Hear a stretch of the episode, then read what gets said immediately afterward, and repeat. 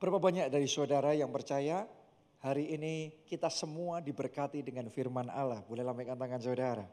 Saya yakin Anda tidak akan dikecewakan oleh Tuhan. Amin. Hari ini kita akan masuk di dalam satu seri khotbah yang baru yang judulnya adalah ledakan iman. Dan doa saya inilah yang akan Anda alami dalam hidup saudara yaitu ledakan iman. Oke, kita baca bersama di dalam Ibrani 11 ayatnya yang pertama. Iman adalah dasar dari segala sesuatu yang kita harapkan dan bukti dari segala sesuatu yang tidak kita lihat. Jadi saya ajak saudara dalam minggu ini untuk fokus di bagian yang pertama dari ayat ini karena ayat ini berbunyi iman adalah dasar dari segala sesuatu yang kita harapkan. Ya saya percaya kita semua di tempat ini pasti punya harapan. Ya saudara ada di tempat ini saya yakin pasti di dalam hati saudara ada hal-hal tertentu yang Anda harapkan terjadi dalam hidup saudara. Bisa jadi yang Anda harapkan adalah seisi keluarga saudara bertobat terima Yesus sebagai Tuhan dan juru selamat. Itu harapan yang luar biasa. Ya. Atau bisa jadi saudara saat ini hubunganmu dengan pasangan saudara selalu rumit. Tambah bicara mau nyelesain masalah malah tambah rumit. Malah banyak salah pahamnya, banyak sakit hatinya. Dan Anda punya harapan bahwa Anda akan dipulihkan pernikahannya sehingga kembali menjadi pasangan yang harmonis kembali. Oke, itu satu harapan. Atau mungkin saat ini keluarga saudara sedang melalui satu beban keuangan yang sangat besar, beban hutang yang sangat besar, dan harapan saudara terjadi kelepasan dari hutang itu. Itu harapan.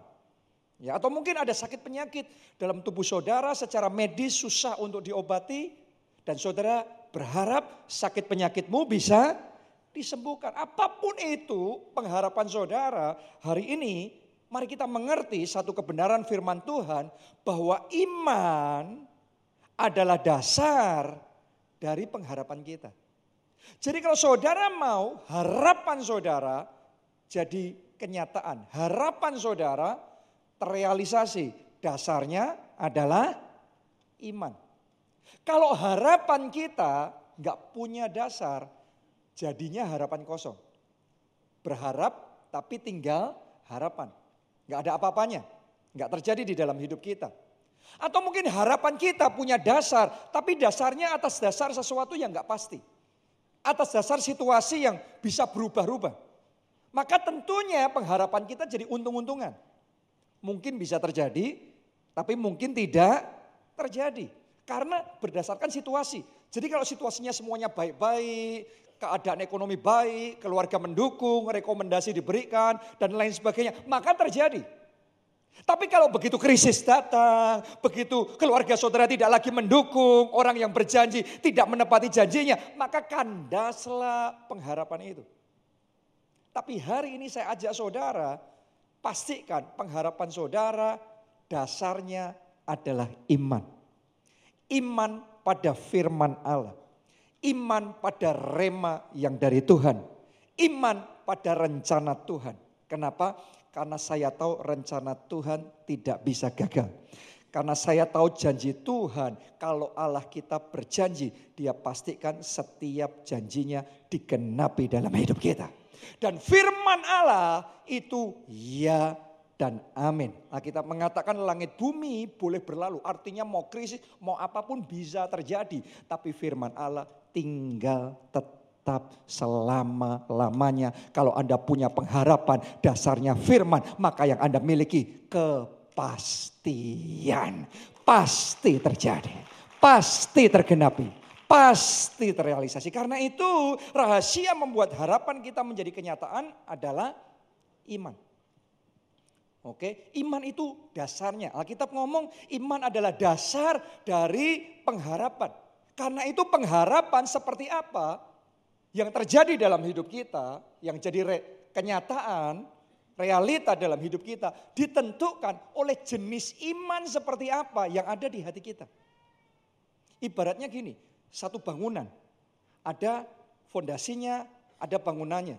Yang namanya fondasi atau dasar itu di bawah apa di atas? Di bawah ya. Seringkali nggak kelihatan. Tapi walaupun nggak kelihatan, kayaknya sepele. Tapi fondasi itu menentukan bangunan yang ada di atasnya. Kalau fondasinya rumah itu dibuat segi empat, bangunannya seperti apa? Segi empat juga. Nggak bisa segitiga kan? Karena fondasinya dibangun, dibuat untuk membuat bangunan yang di atasnya. Jadi jenis jenis fondasinya kayak gimana menentukan jenis bangunan di atasnya. Demikian juga kekuatan fondasinya. Kalau kekuatannya hanya disiapkan untuk membangun satu lantai rumah, terus kemudian dipaksa bangun tujuh lantai, apa yang terjadi? Bisa roboh. Jadi itu dasar, itu yang namanya fondasi. Ya, sangat menentukan bangunan yang dibangun di atasnya. Nah, tolong dengarkan baik-baik saudaraku. Demikian pula jenis iman kita menentukan mujizat apa yang Tuhan kerjakan di dalam hidup kita.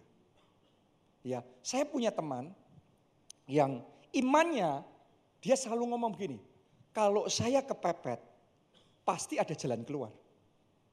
Jadi itu kayak iman dalam hatinya dan dia selalu ngomong dan dia yakin sekali, pokok kalau saya kepepet pasti ada jalan keluar. Itu imannya. Dan saya benar-benar melihat di dalam hidupnya dia sering kepepet, tapi setiap kali kepepet selalu ada jalan keluar. Saya mau ngomong sama saudara itu mujizat. Kenapa? Karena imannya kalau kepepet ada jalan keluar. Tapi saya juga punya teman-teman yang lain yang imannya nggak perlu nunggu kepepet dulu baru terjadi mujizat, baru ada jalan keluar. Tapi sekarang saya akan bergerak maju, saya akan meraih kemenangan demi kemenangan dan saya percaya Tuhan menyertai dan terobosan pasti terjadi. Nah, orang yang seperti ini Saudaraku sama-sama menghadapi masalahnya bukan masalah karena bertahan, kepepet tadi. Terus kemudian dapat jalan keluar. No, ini enggak kepepet, ini bergerak maju dan dia meraih kemenangan demi kemenangan doa saya itu yang akan Tuhan kerjakan dalam hidup saudara. Sadarilah jenis iman seperti apa yang kita punya menentukan jenis mujizat yang kita alami dalam hidup kita. Ya, kadang-kadang saya jumpa sama jemaat, ada jemaat yang percaya mujizat pasti terjadi. Saya pasti diberkati Tuhan. Ya, Tuhan pasti kasih rumah. Dan doanya sama Tuhan, Tuhan kasih rumah Tuhan. Aku percaya tidak ada yang mustahil buat Tuhan. Tuhan kasih rumah. Jelek nggak apa-apa. Yang penting saya punya rumah. Oke, itu imannya. Jelek nggak apa-apa. Yang penting saya punya rumah. Dan saya sudah melihat berulang-ulang. Berulang-ulang orang yang seperti itu gigih di dalam iman. Pada akhirnya mujizat terjadi dan benar-benar dia dapat rumah. Cuma rumahnya jelek. Karena imannya jelek. Karena imannya jelek gak apa-apa, yang penting punya rumah. Yesus tuh ngomongnya begini, terjadilah sesuai dengan imanmu. Jadi itu kayak cek kosong. Saudara mau yang apa pun Tuhan bisa kasih sama saudara. Yang Anda percaya Tuhan bisa kerjakan mujizat rumah dalam hidupmu terjadi juga. Anda percaya jelek dapat juga. Sebaliknya saya punya teman-teman, saya kenal orang-orang yang percayanya Bapakku di surga itu Bapak yang baik. Buat anak-anaknya, buat aku sebagai anaknya, dia pasti memberikan yang terbaik.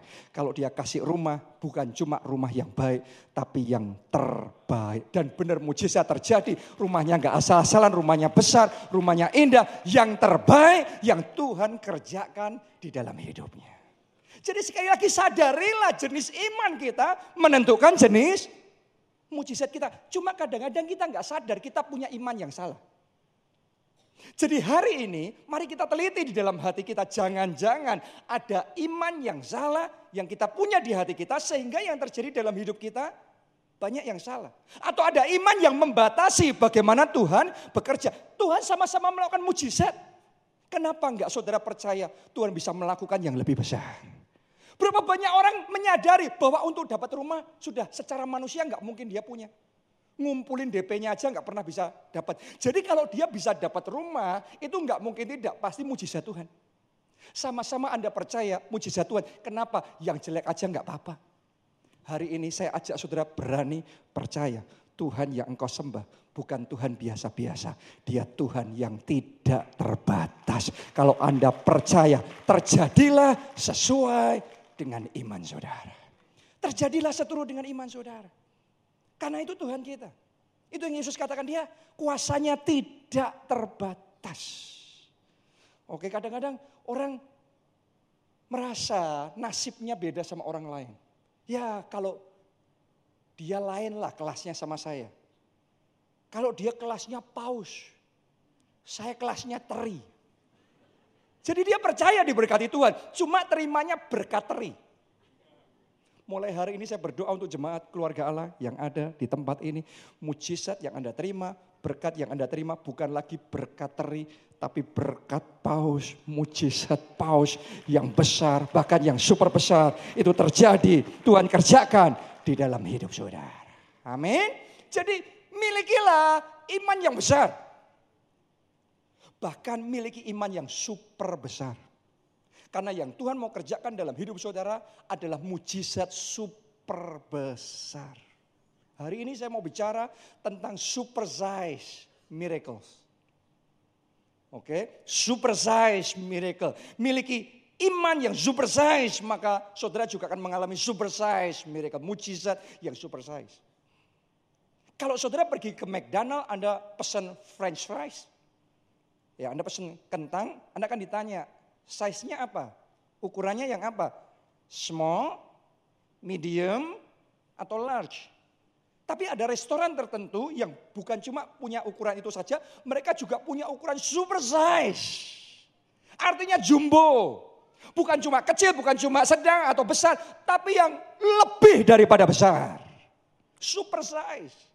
Jadi mulai hari ini percayai mujizat yang Tuhan kerjakan bukan mujizat kecil-kecilan mujizat yang diperbesar, mujizat super besar. Itu yang Tuhan pilih dan Tuhan kerjakan di dalam keluarga saudara, di dalam pekerjaan saudara, di dalam pelayanan saudara, di dalam gereja kita. Mujizatnya, mujizat super size. Tepuk tangannya boleh yang paling meriah buat Tuhan.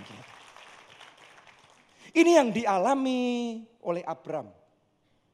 Abram saudaraku, dia sudah menikah dengan istrinya puluhan tahun dan tidak punya keturunan. Nah saya ingin ajak saudara membayangkan diri kita kalau jadi Abram. Ya, psikologi orang sudah menikah puluhan tahun, ya sudah berusaha semua yang bisa dilakukan, tapi nggak juga punya keturunan. Kira-kira harapannya apa? Harapannya punya anak. Tuhan satu saja Tuhan. Kalau Abraham dapat satu saja anak, saya yakin buat dia itu sudah mujizat besar. Tapi ternyata selama imannya cuma minta satu, Tuhan gak pernah kasih. Sampai suatu kali Tuhan datang dan Tuhan ngomong sama Abram.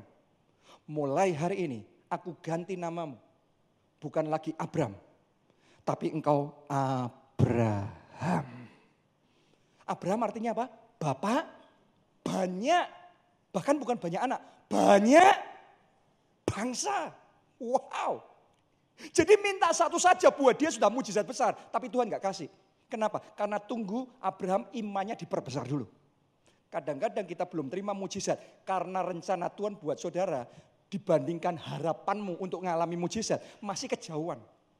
Hari ini saya tantang saudara perbesar iman saudara. Hari itu waktu Tuhan ngomong sama Abraham, engkau Abraham, bapak banyak bangsa. Itu rema dari Tuhan. Itu pesan Tuhan. Dan Alkitab ngomong, iman timbul dari pendengaran dan pendengaran akan firman. Jadi saya yakin waktu Abraham dengar firman Tuhan itu, imannya bangkit. Imannya jadi besar, imannya melar, imannya jadi super besar. Ketika imannya bangkit, kuasa Allah bekerja. Ketika kuasa Allah bekerja, mujizat super besar terjadi. Sampai hari ini kita masih menyebut Abraham sebagai Bapa Abraham. Bapak orang percaya, Bapak banyak bangsa.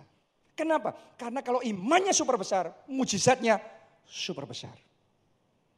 Jadi mulai hari ini saudara yang selama ini berdoa untuk sesuatu.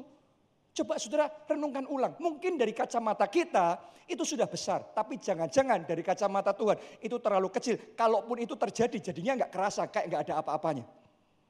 Hari ini tolong dengarkan. Yang Tuhan mau kerjakan dalam hidupmu. Mujizat yang super besar.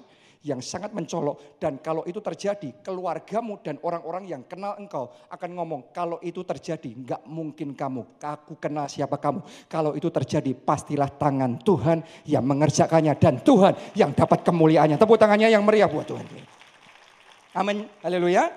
Jadi kalau di antara saudara saat ini ada yang merasa, ya di dalam keluarga saudara Anda selalu diperlakukan tidak baik tidak diterima, dipandang hina, diremehkan, direndahkan dan Anda berdoa supaya Anda bisa diterima oleh keluarga saudara, diterima oleh mertua saudara, diakui oleh bapak saudara. Hari ini saya mau ngomong sama saudara, buka hati saudara, miliki iman yang lebih besar. Hari ini sadarilah Tuhan punya rencana yang lebih besar.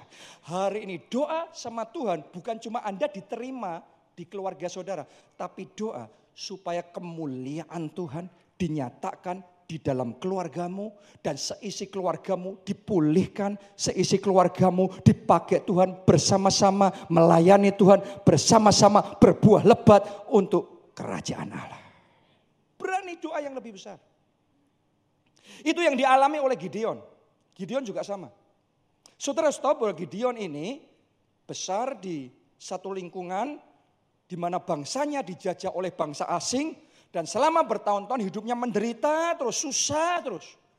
Saya mau tanya sama saudara, orang kalau hidupnya kalah terus gagal terus susah terus, gampang sekali untuk hidupnya jadi merasa gimana? Kayak rendah diri gitu. Ya, itu yang dialami oleh Gideon. Makanya pertama kali kisah Gideon muncul, Gideon itu sedang sembunyi.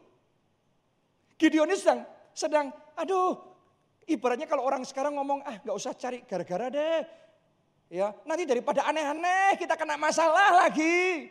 Sudahlah, nggak usah yang muluk-muluk daripada berharap-berharap nanti kita dikecewakan. Ngapain sudah aman aja main gini aja deh.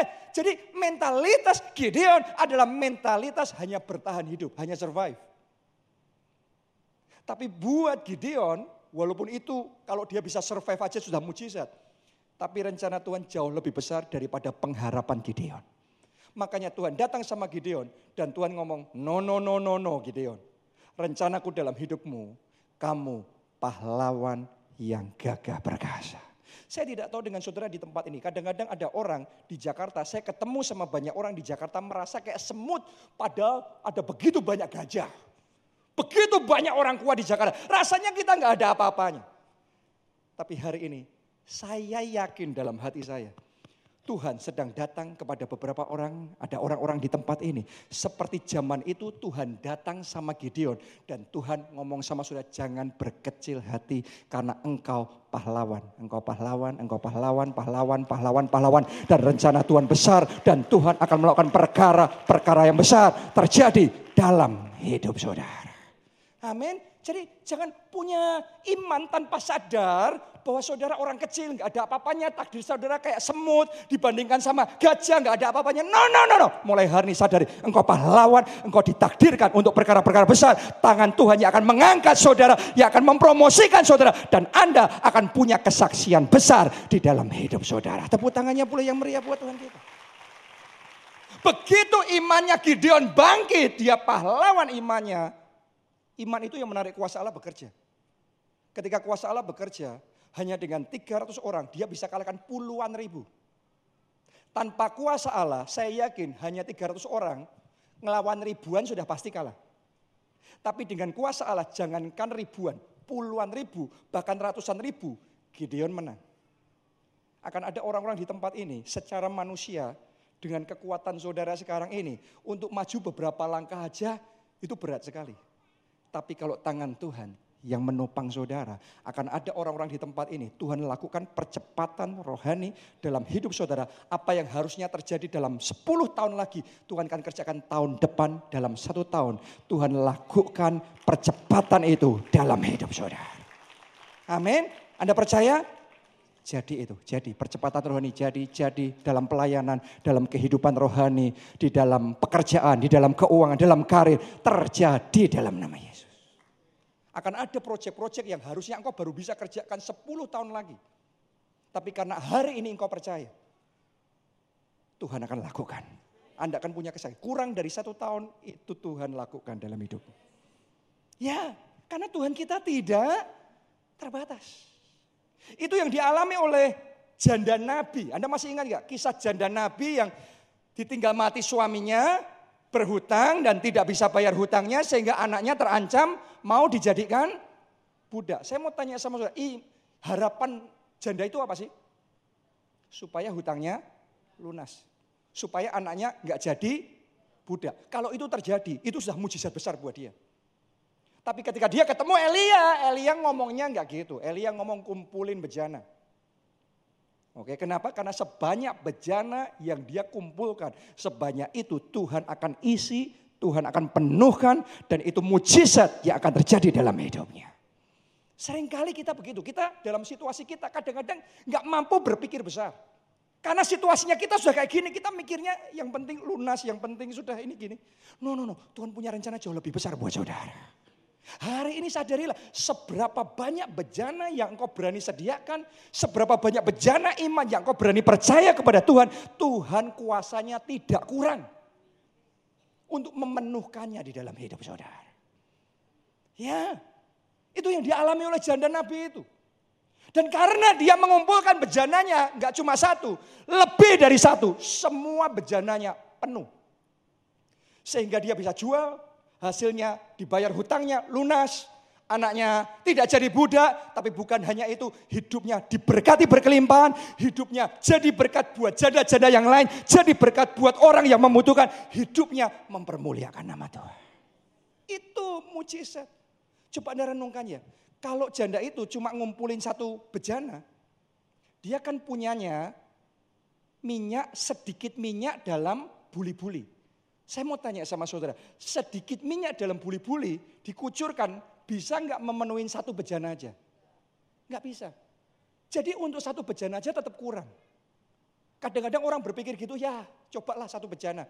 Ketika mujizat terjadi, ya engkau dapat cuma satu. Hari ini sadarilah, sama-sama itu kurang, nggak cukup. Beranilah percaya, Tuhanmu sanggup melakukan lebih dari yang engkau pikirkan dan bayangkan. Karena janda itu tidak hanya mengumpulkan satu bejana, tapi banyak bejana. Sebanyak bejana yang dia kumpulkan, Tuhan penuhkan. Saya nubuatkan akan ada orang-orang di tempat ini. Anda nggak hanya punya satu rumah. Tuhan akan kasih banyak rumah. Akan ada yang punya sepuluh rumah. Akan ada yang punya puluhan rumah. Saya tidak sedang berceloteh kosong. Saya sedang serius. Saya nggak sedang bercanda. Saya sedang mendeklarasikan sesuatu dalam hidup saudara. Akan ada di antara saudara di tempat ini yang punya ratusan rumah. Akan terjadi itu. Anda akan melihat. Dan Anda yang ngalaminya tidak selalu Jangan berpikir membatasi Tuhan harus orang kaya, harus sudah punya aset. Anda bisa jadi nol sekarang. Tapi kalau kuasa Tuhan bekerja dari nol pun Tuhan bisa buat lompatan yang besar, pelipat gandaan yang besar. Sehingga ketika itu terjadi nama Tuhan yang dipermuliakan melalui hidup saudara. Karena saudara mau dipakai untuk rencana Tuhan. Amin. Jadi, jadi, jadi, jadi, jadi, jadi, jadi, jadi terima itu dalam nama Yesus. Katakan amin tiga kali. Amin, amin, amin. Tepuk tangannya pula yang paling meriah. Haleluya. Haleluya. Jadi kuncinya kalau kita mau mengalami super size miracles. Mujizat super besar. Kuncinya pada iman. Iman kita harus bertumbuh. Ini yang Tuhan mau terjadi saat ini. Yaitu iman kita bertumbuh. Saya percaya sementara firman Tuhan diberitakan, Roh Kudus sedang bekerja dalam hati kita masing-masing, memperbesar iman kita. Memperbesar kapasitas iman kita. Mari kita baca di dalam 2 Tesalonika 1 ayatnya yang ketiga. Ditulis begini. Kami wajib selalu mengucap syukur kepada Allah karena kamu, saudara-saudara dan memang patutlah demikian karena imanmu makin bertambah. Karena imanmu makin bertambah dan kasihmu seorang akan yang lain makin kuat di antara kamu. Jadi ini adalah surat buat dari Rasul Paulus kepada jemaat di Tesalonika. Rasul Paulus ngomong begini, kami wajib mengucap syukur. Kenapa? Karena imanmu makin bertambah. Oke, saya mau tanya begini sama saudara. Kalau Rasul Paulus berkata bahwa imanmu makin bertambah, berarti iman bisa bertambah enggak? Bisa. Iman juga bisa berkurang enggak? Bisa. Iman bisa membesar, bisa juga mengecil. Tapi iman jemaat di Tesalonika, Paulus ngomong imanmu makin bertambah. Paulus bisa melihat bedanya setahun lalu sama sekarang. Ada perbedaan di dalam level imannya. Ada pertumbuhan di dalam imannya. Saya doa itu yang terjadi dalam hidup saudara. Orang baru nggak ketemu sama saudara beberapa bulan. Orang ketemu lagi, orang akan geleng-geleng dan terakhir karena orang bisa melihat ada pertumbuhan iman, ada perbedaan iman, ada perbedaan level pengurapan Tuhan di dalam hidup saudara. Kuasa Allah yang bekerja dalam hidup saudara. Mujizat-mujizat yang menjadi kesaksian saudara. Komitmen saudara sama Tuhan, ketaatan saudara sama Tuhan ada bedanya. Itu yang jadi kesaksian jemaat di Tesalonika. Imanmu makin bertambah. Kalau Anda baca di dalam bahasa Inggrisnya, kalimat imanmu makin bertambah, ditulisnya your faith grows exceedingly. Jadi dalam bahasa Indonesia kurang satu kata exceedingly. Dalam bahasa Inggrisnya imanmu makin bertambah, bukan cuma bertambahnya biasa, tapi bertambahnya cepat bertambahnya pesat, bertambahnya luar biasa. Doa saya itu yang terjadi dalam kehidupan rohani mulai saat ini. Iman saudara tidak stagnan, iman saudara tidak mandek, tidak terus kanak-kanak rohani. Doa saya iman saudara bertumbuh, bertumbuhnya pesat, bertumbuhnya cepat, bertumbuhnya luar biasa. Amin. Saya percaya itu yang Tuhan mau kerjakan dalam hidup kita. Imannya harus bertumbuh, harus maju. Kehidupan rohani kita harus maju. Dari hari ke hari ikut Kristus, kehidupan rohani kita, iman kita harus bertumbuh. Bahkan bertumbuhnya exceedingly. Sampai apa? Sampai ledakan iman terjadi dalam hidup kita. Mari kita baca di dalam Roma pasalnya yang pertama. Ayatnya yang ke-8. Paulus ngomong begini, Pertama-tama, aku mengucap syukur kepada Allahku oleh Yesus Kristus atas kamu sekalian. Sebab, tolong perhatikan saudaraku, sebab telah tersiar kabar tentang apa? Imanmu. Jadi yang jadi viral tentang imannya. Yang jadi viral bukan dosanya. Oke. Yang jadi viral apanya? Imannya dan viralnya tersiar kabar tentang imanmu sampai levelnya apa? Di seluruh dunia. Berarti imannya sampai mendunia. Bukan cuma bertumbuh. Bertumbuhnya bukan cuma pesat. Terjadi ledakan yang begitu pesat. Sampai imannya mendunia. Imannya pengaruhnya mendunia. Kesaksian imannya mendunia. Dampaknya mendunia. Itu yang dialami oleh jemaat di Roma. Tadi jemaat di Tesalonika imannya bertumbuh dengan pesat. Tapi jemaat di Roma ini imannya besarnya luar biasa. Mengalami ledakan iman sampai imannya mendunia. Dan ini yang Tuhan mau kita alami. Kenapa kok Tuhan mau iman kita mengalami ledakan sampai seperti itu? Karena saya yakin Tuhan itu punya rencana besar untuk Indonesia. Tuhan mau lakukan kegeraan yang sangat besar untuk Indonesia yang belum pernah terjadi sebelumnya dalam sejarah dunia. Tuhan mau kerjakan untuk Indonesia. Anda percaya? Anda akan melihat negeri kita ini akan dipenuhi dengan kemuliaan Tuhan. Kita akan lihat itu, ya. Karena itu sejak dari awal tahun diulang-ulang terus-menerus. Kemarin ulang tahun gereja kita, bulan September juga diulang lagi. Dan sekarang saya ingin ajak saudara untuk baca lagi. Janji Tuhan untuk Indonesia. Keluaran 34 ayat yang ke-10. Keluaran 34 ayatnya yang ke-10. Ditulis begini, firmannya. Sungguh aku mengadakan suatu perjanjian di depan seluruh bangsamu ini akan kulakukan perbuatan-perbuatan yang ajaib. Jadi mulai hari ini yang terjadi dalam hidupmu ajaib. Yang terjadi di dalam pekerjaanmu ajaib Yang terjadi dalam kesehatanmu ajaib, dalam keluargamu ajaib, dalam kehidupan rohani pelayananmu dalam gereja kita ajaib. Ajaibnya sampai seperti apa? Ditulis. Seperti yang belum pernah dijadikan. Berarti belum pernah terjadi sebelumnya. Oke, di seluruh bumi di antara segala bangsa, seluruh bangsa yang di tengah-tengahnya engkau diam akan melihat perbuatan Tuhan sebab apa yang akan kulakukan dengan engkau. Ini janji Tuhan buat Indonesia. Anda tangkap saudaraku, ini kita orang Indonesia harus tangkap apa yang Tuhan mau kerjakan untuk Indonesia, apa yang akan kulakukan dengan engkau. Mari baca bersama-sama kalimat terakhir dua tiga. Sungguh, sungguh dahsyat jadi itu dalam nama Tuhan Yesus. Amin. Saya berdoa ada iman di hati saudara ketika baca ini.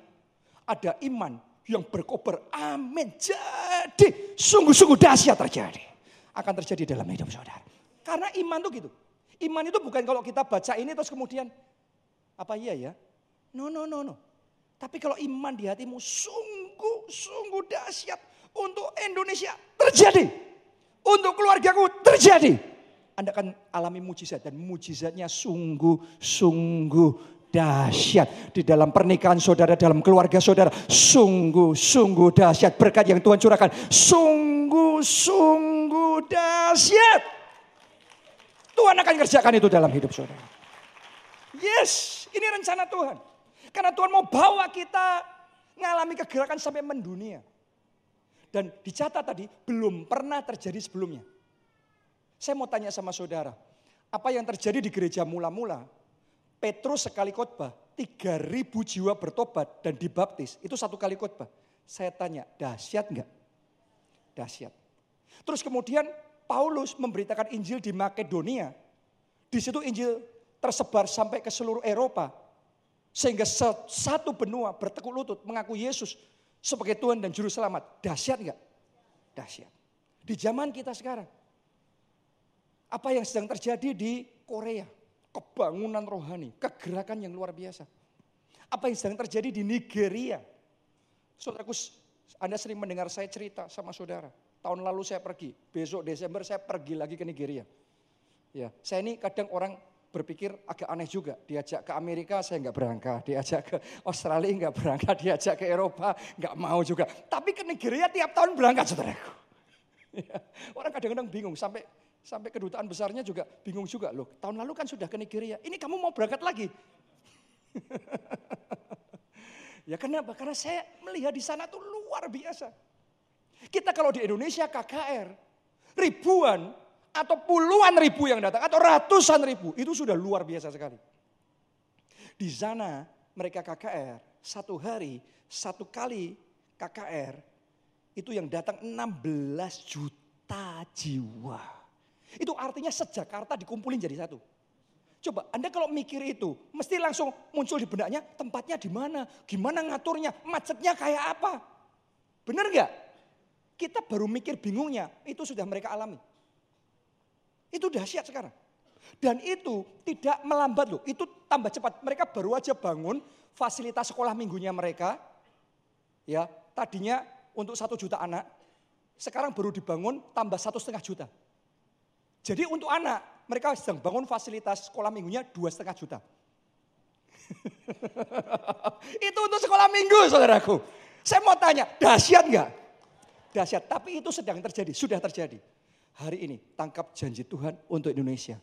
Bahwa yang Tuhan lakukan perbuatan ajaib yang belum pernah terjadi sebelumnya. Kalau di gereja mula-mula dahsyat, kalau di Korea dahsyat, di Nigeria dahsyat, ada siap-siap yang Tuhan kerjakan di Indonesia lebih dahsyat. Sungguh, sungguh dahsyat. Kalau Anda percaya ada iman di hati saudara, terjadi juga dalam hidup saudara, terjadi juga di dalam keluarga saudara.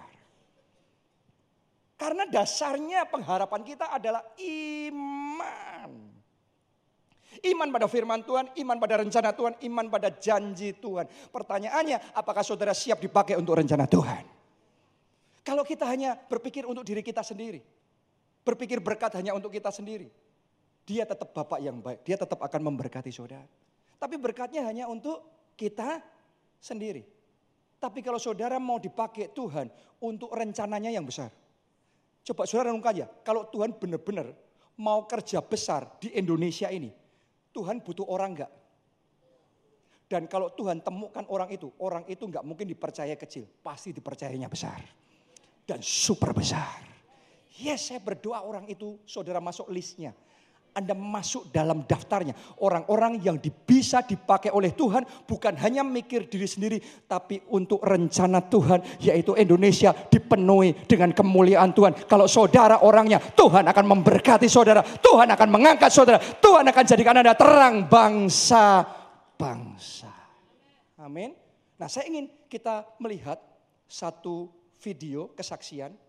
Kali ini kesaksiannya bukan dari jemaat Jakarta tapi ini dari jemaat kita di Wonogiri. Kota kecil. Tapi ada orang-orang, Tuhan itu tidak terbatas kuasanya. Kalau saudara mau dipakai Tuhan, Tuhan akan kerjakan di dalam hidup saudara. Amin. Bagaimana orang yang punya kerinduan dipakai oleh Tuhan. Dan Tuhan manifestasikan kuasanya di dalam kehidupan orang ini. Mari kita saksikan bersama video kesaksian berikut ini.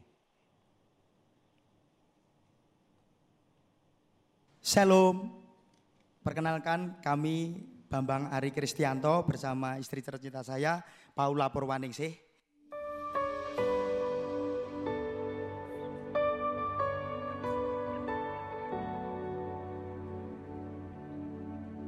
Saya dan istri saya dari keluar, jemaat keluarga Allah e, Wonogiri.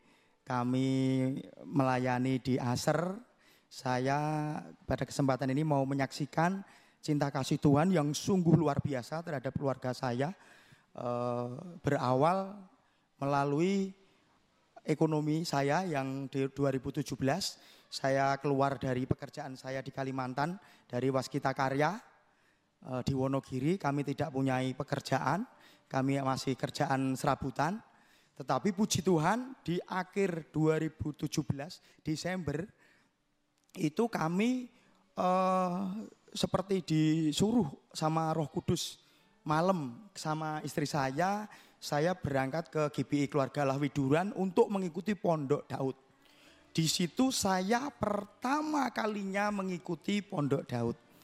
Dan karena saat itu saya juga masih ada beban berat, banyak tanggungan, saya langsung masuk ruang doa Pondok Daud di situ saya disuruh Tuhan Yesus melalui Roh Kudus, saya tidak meminta apa-apa.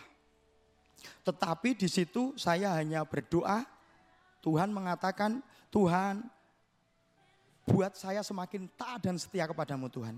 Tuhan buat saya menjalani hidup ini semakin seturut dengan rancangan dan kehendakmu Tuhan.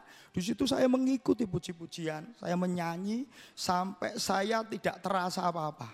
Dinginnya AC juga nggak terasa. Tahu-tahu tiga jam, jam 12, saya masuk jam 9, jam 12. Saya sudah digeblek sama istri saya. Saya terbangun tapi berbeda saudara. Dalam hati saya sudah ada roh kemenangan. Saya pulang dengan naik motor, hujan gerimis, tetapi tetap semangat dan puji-pujian. Dan sejak saat itu, saya sama istri saya tercinta ini selalu mengikuti Pondok Daud di GBI Keluarga Allah Wonogiri. Sampai saat ini. Dan puji Tuhan, setelah saya mengikuti doa dua hari, saya langsung mendapat kesempatan kerja di perusahaan developer menjadi marketing.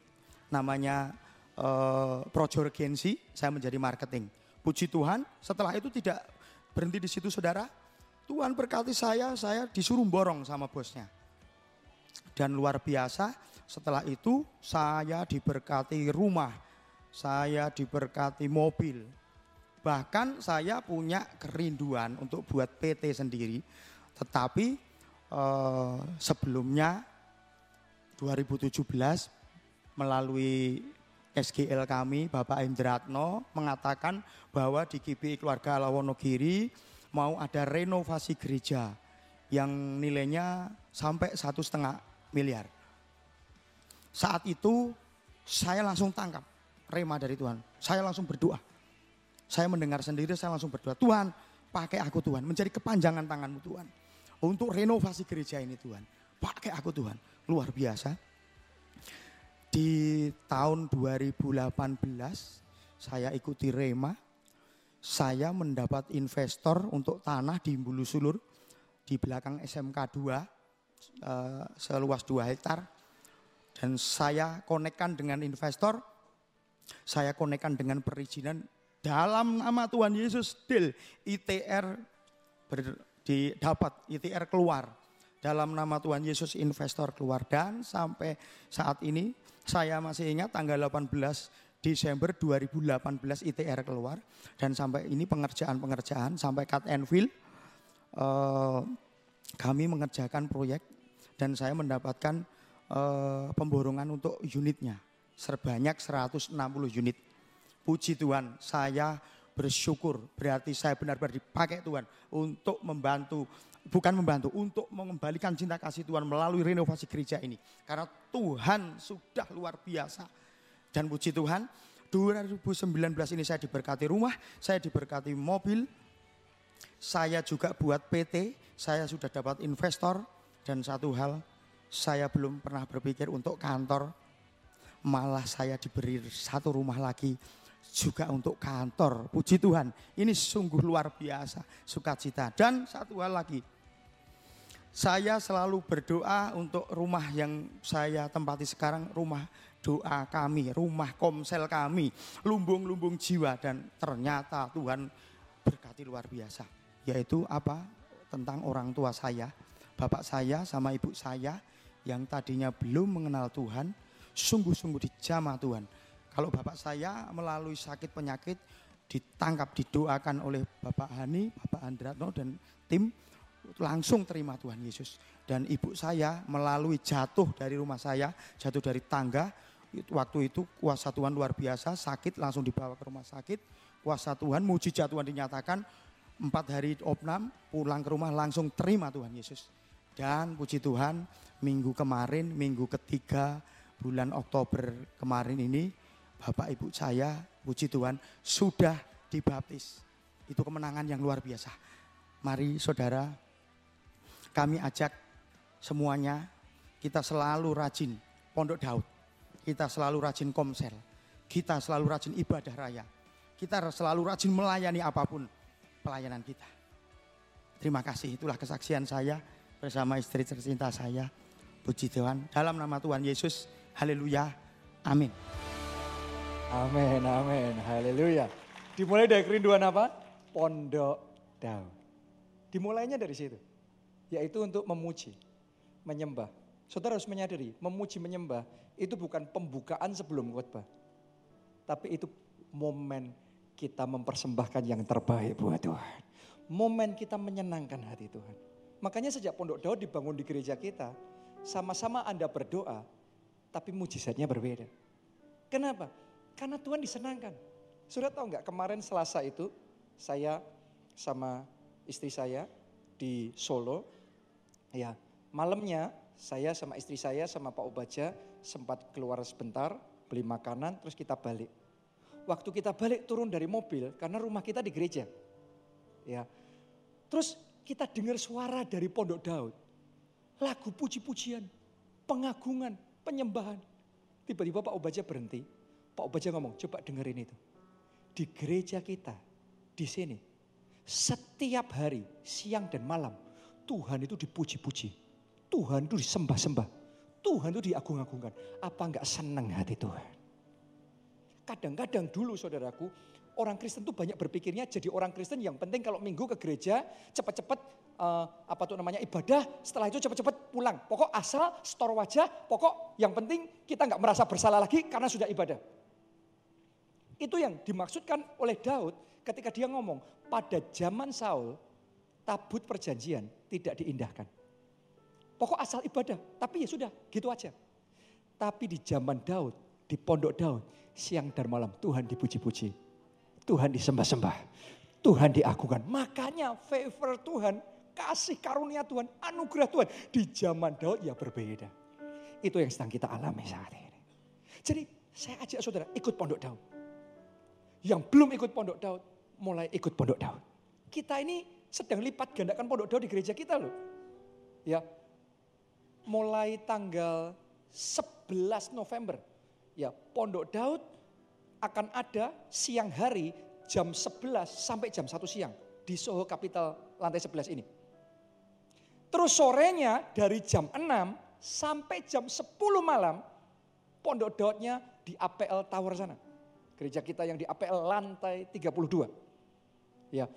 Dan kita masih belum berhenti, kita masih terus persiapan dari dari dua jam setiap hari sekarang jadi enam jam tiap hari dan kita sedang persiapan segera mungkin jadi 10 jam.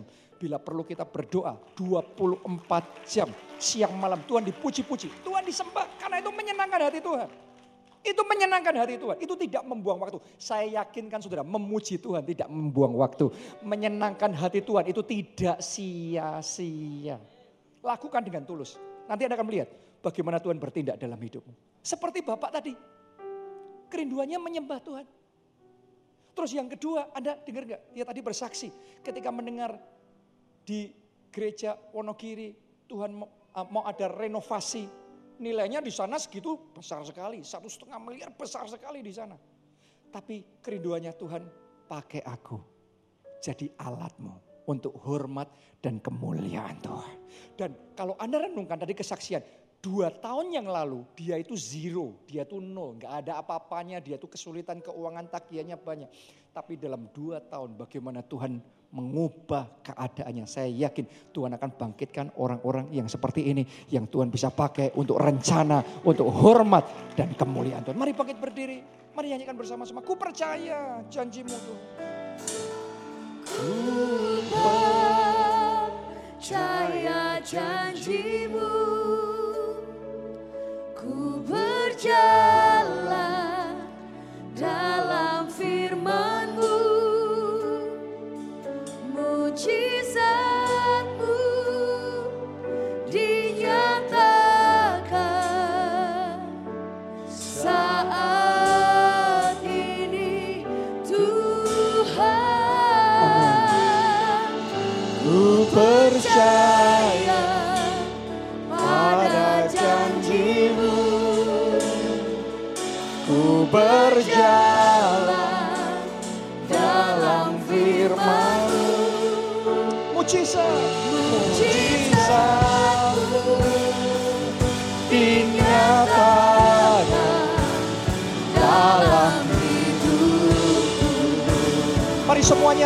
kita angkat dua tangan kita.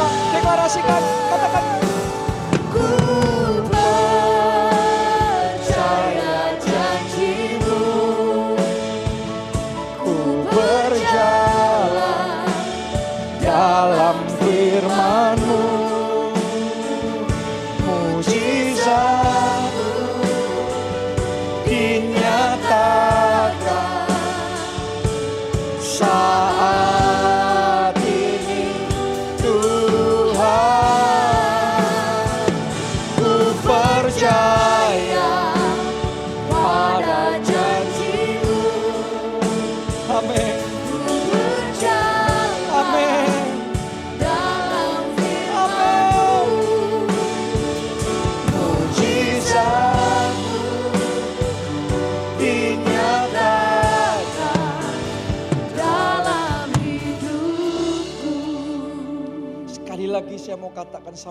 sama saudara. Rencana Tuhan buat Indonesia besar. Amin Bahkan super besar. Yes. Tuhan mau melakukan kegerakan yang belum pernah terjadi sebelumnya di antara segala bangsa. Tuhan mau kerjakan untuk Indonesia. Amin Dan Tuhan mau pakai saudara dan saya. Yes Pertanyaannya, adakah iman di hati saudara? Karena semua mujizat besar yang terjadi itu diawali dari yang namanya iman. Iman kita harus bertumbuh. Bukan cuma bertumbuh, bertumbuhnya exceedingly, bertumbuhnya pesat sampai ledakan iman terjadi dalam hidup kita. Saya berdoa sebagai anak Tuhan, iman saudara tidak mandek, kehidupan rohani saudara tidak stagnan. Mulai hari ini Anda jadi anak Tuhan yang bertumbuh, Yes. iman saudara bertumbuh, bahkan seperti jemaat di Roma sampai ada ledakan besar kabarnya sampai tersiar ke seluruh dunia makanya kita disebut terang dunia Yes. makanya kita disebut garam dunia Amin. karena memang Tuhan mau bawa kita jadi terang bagi bangsa.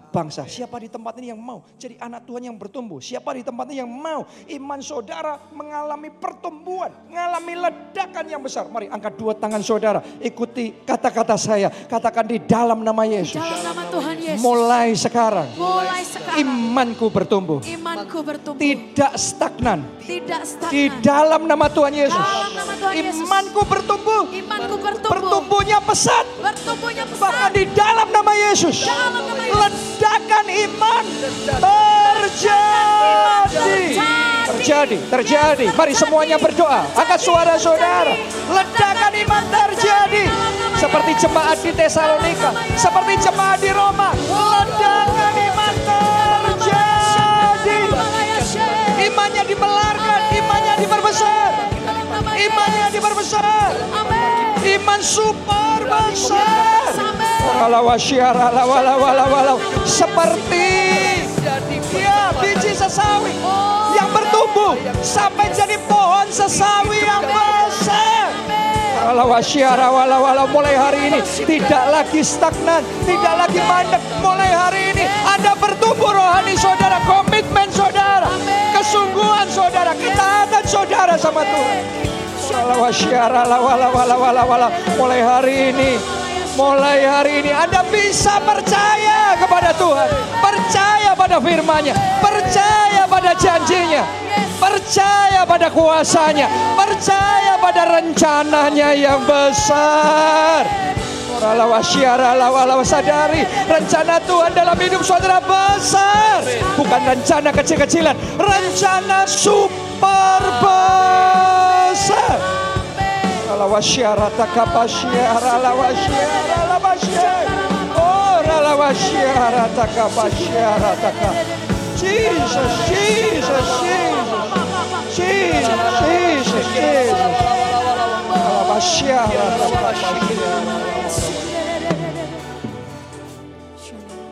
Dan sekarang yang berikutnya saya mau berdoa supaya mujizat super besar juga Tuhan kerjakan dalam hidup saudara.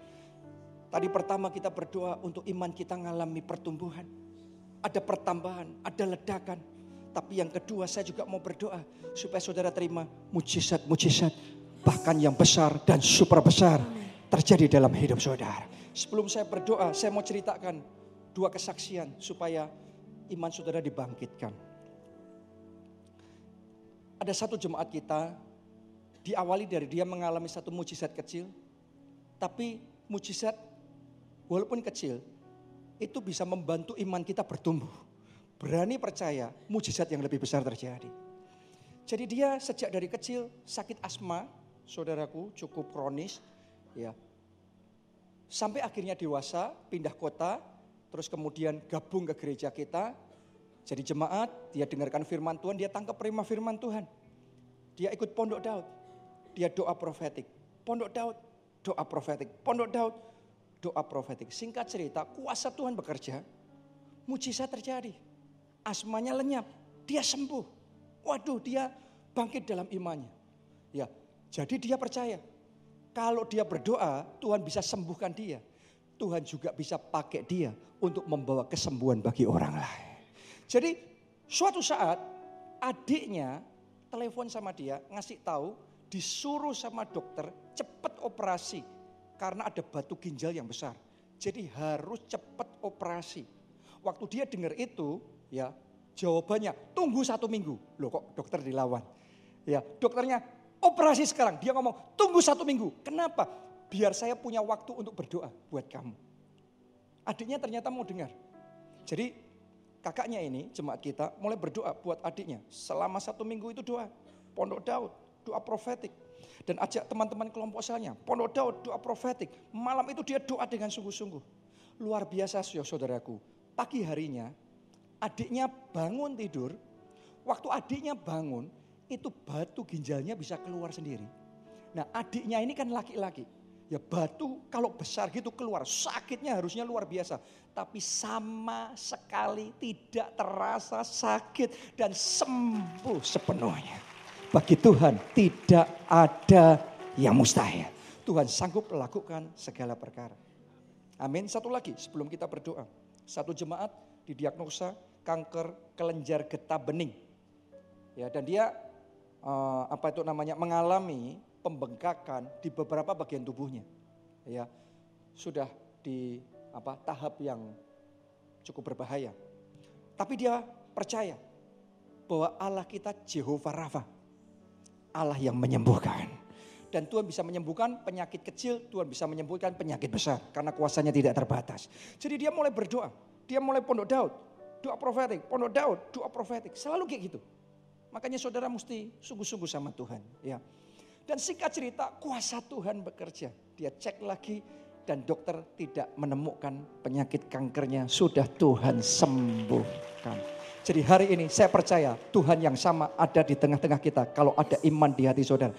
Kalau ada iman, Tuhan ngomongnya jadilah Yes. sesuai imanmu. Adakah iman di hati saudara untuk kau disembuhkan? Adakah iman di hati saudara untuk mujizat keuangan yang besar terjadi dalam hidup saudara? Adakah iman di hati saudara untuk keluargamu dipulihkan? Mari di mana pun saudara, Anda yang percaya kuasa Tuhan bisa bekerja dan mujizat super besar terjadi. Angkat dua tangan saudara. Mari doa bersama-sama. Katakan dalam nama Tuhan Yesus. Dalam nama Tuhan Yesus. Mujizat super besar. Mujizat super besar. Aku terima. Mari semuanya berdoa. Masing-masing berdoa. Sekarang terima kesembuhan yang daripada Tuhan. Ya, terima kuasa Allah mengalir dari ujung rambut saudara sampai ujung kaki. Kuasa itu mengalir saat ini. Batu ginjal itu saat ini dilenyapkan. In the name of Jesus. Kelenjar, getah itu dilenyapkan. Dalam nama Yesus. Dalam nama Yesus. Kanker prostat dilenyapkan. Kanker prostat dilenyapkan. In the name of Jesus.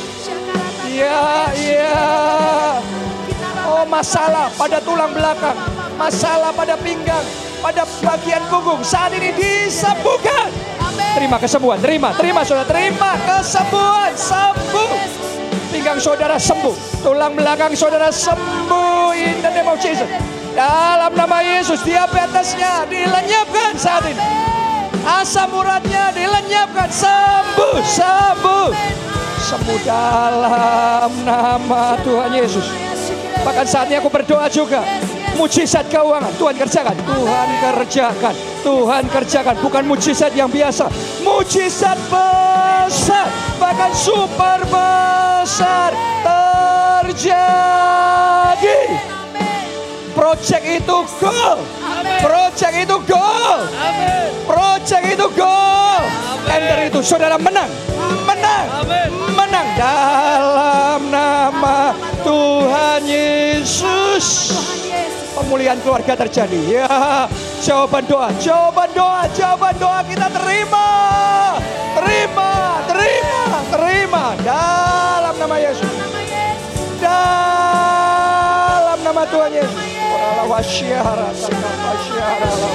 Mari kita katakan bersama-sama, ku percaya janjimu Tuhan. Ku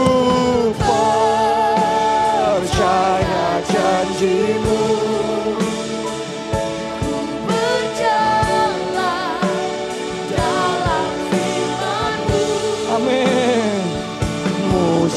shine.